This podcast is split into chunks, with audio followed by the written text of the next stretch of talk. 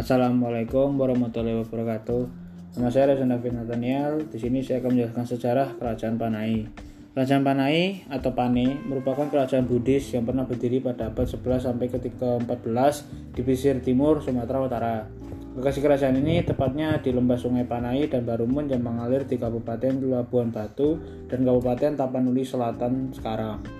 Kerajaan ini kurang dikenal akibat minimnya sumber sejarah dan sedikitnya prasasti yang menyebutkan kerajaan ini sebagai kerajaan kecil.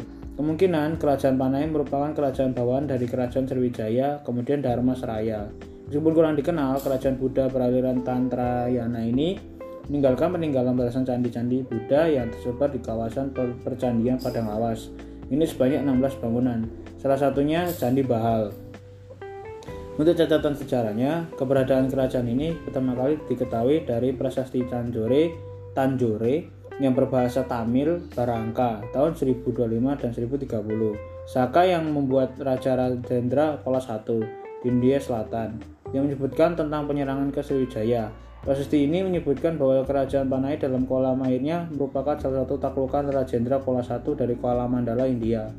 Selain Panai, penyerbuan Kola ini juga disebutkan telah menaklukkan Malayur, Ilangasogam, Madamalingam, Ilamuris Desam, dan Kadaram. Disebutkannya kerajaan Panai sebagai salah satu negeri taklukan dalam penyerbuan ke Sriwijaya ini menimbulkan dugaan bahwa kerajaan Panai adalah salah satu negeri anggota Mandala Sriwijaya. Tinggi abad, eh, tiga abad, kemudian nama kerajaan ini kembali disebutkan dalam kitab Nagara Kertagama Naskah kuno Kerajaan Majapahit tulisan Empu Prabangga Barangka tahun 1365 Saka. Dalam buku ke-13 disebutkan Panis sebagai bagian dari negeri-negeri di Sumatera yang dibawa pengaruh Mandala Majapahit. Singhasari melalui ekspedisi Pamalayu berhasil menarik kerajaan Malayu Dharmasraya masuk ke dalam pengaruh Singhasari.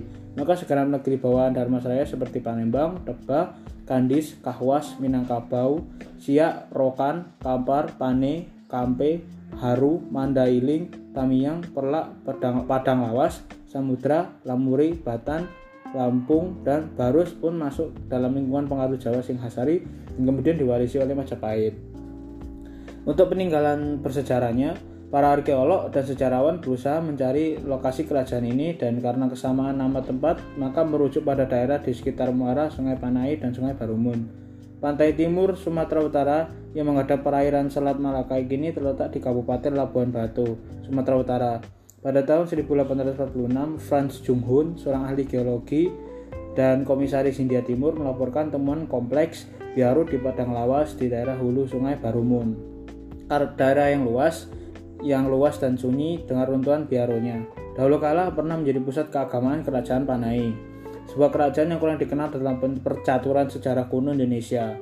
Daerah Padang Lawas merupakan dataran rendah yang kering, pada masa lampau mungkin tidak pernah menjadi pusat pemukiman dan hanya berfungsi sebagai uh, pusat upacara keagamaan. Meskipun daerah ini dapat dicapai melalui jalan sungai dan jalan darat, yang dapat berarti tidak terisolir, teriso ya, terisolir. Tetapi lingkungan padang lawas yang sering bertiup angin panas dan tidak memungkinkan untuk bercocok tanam.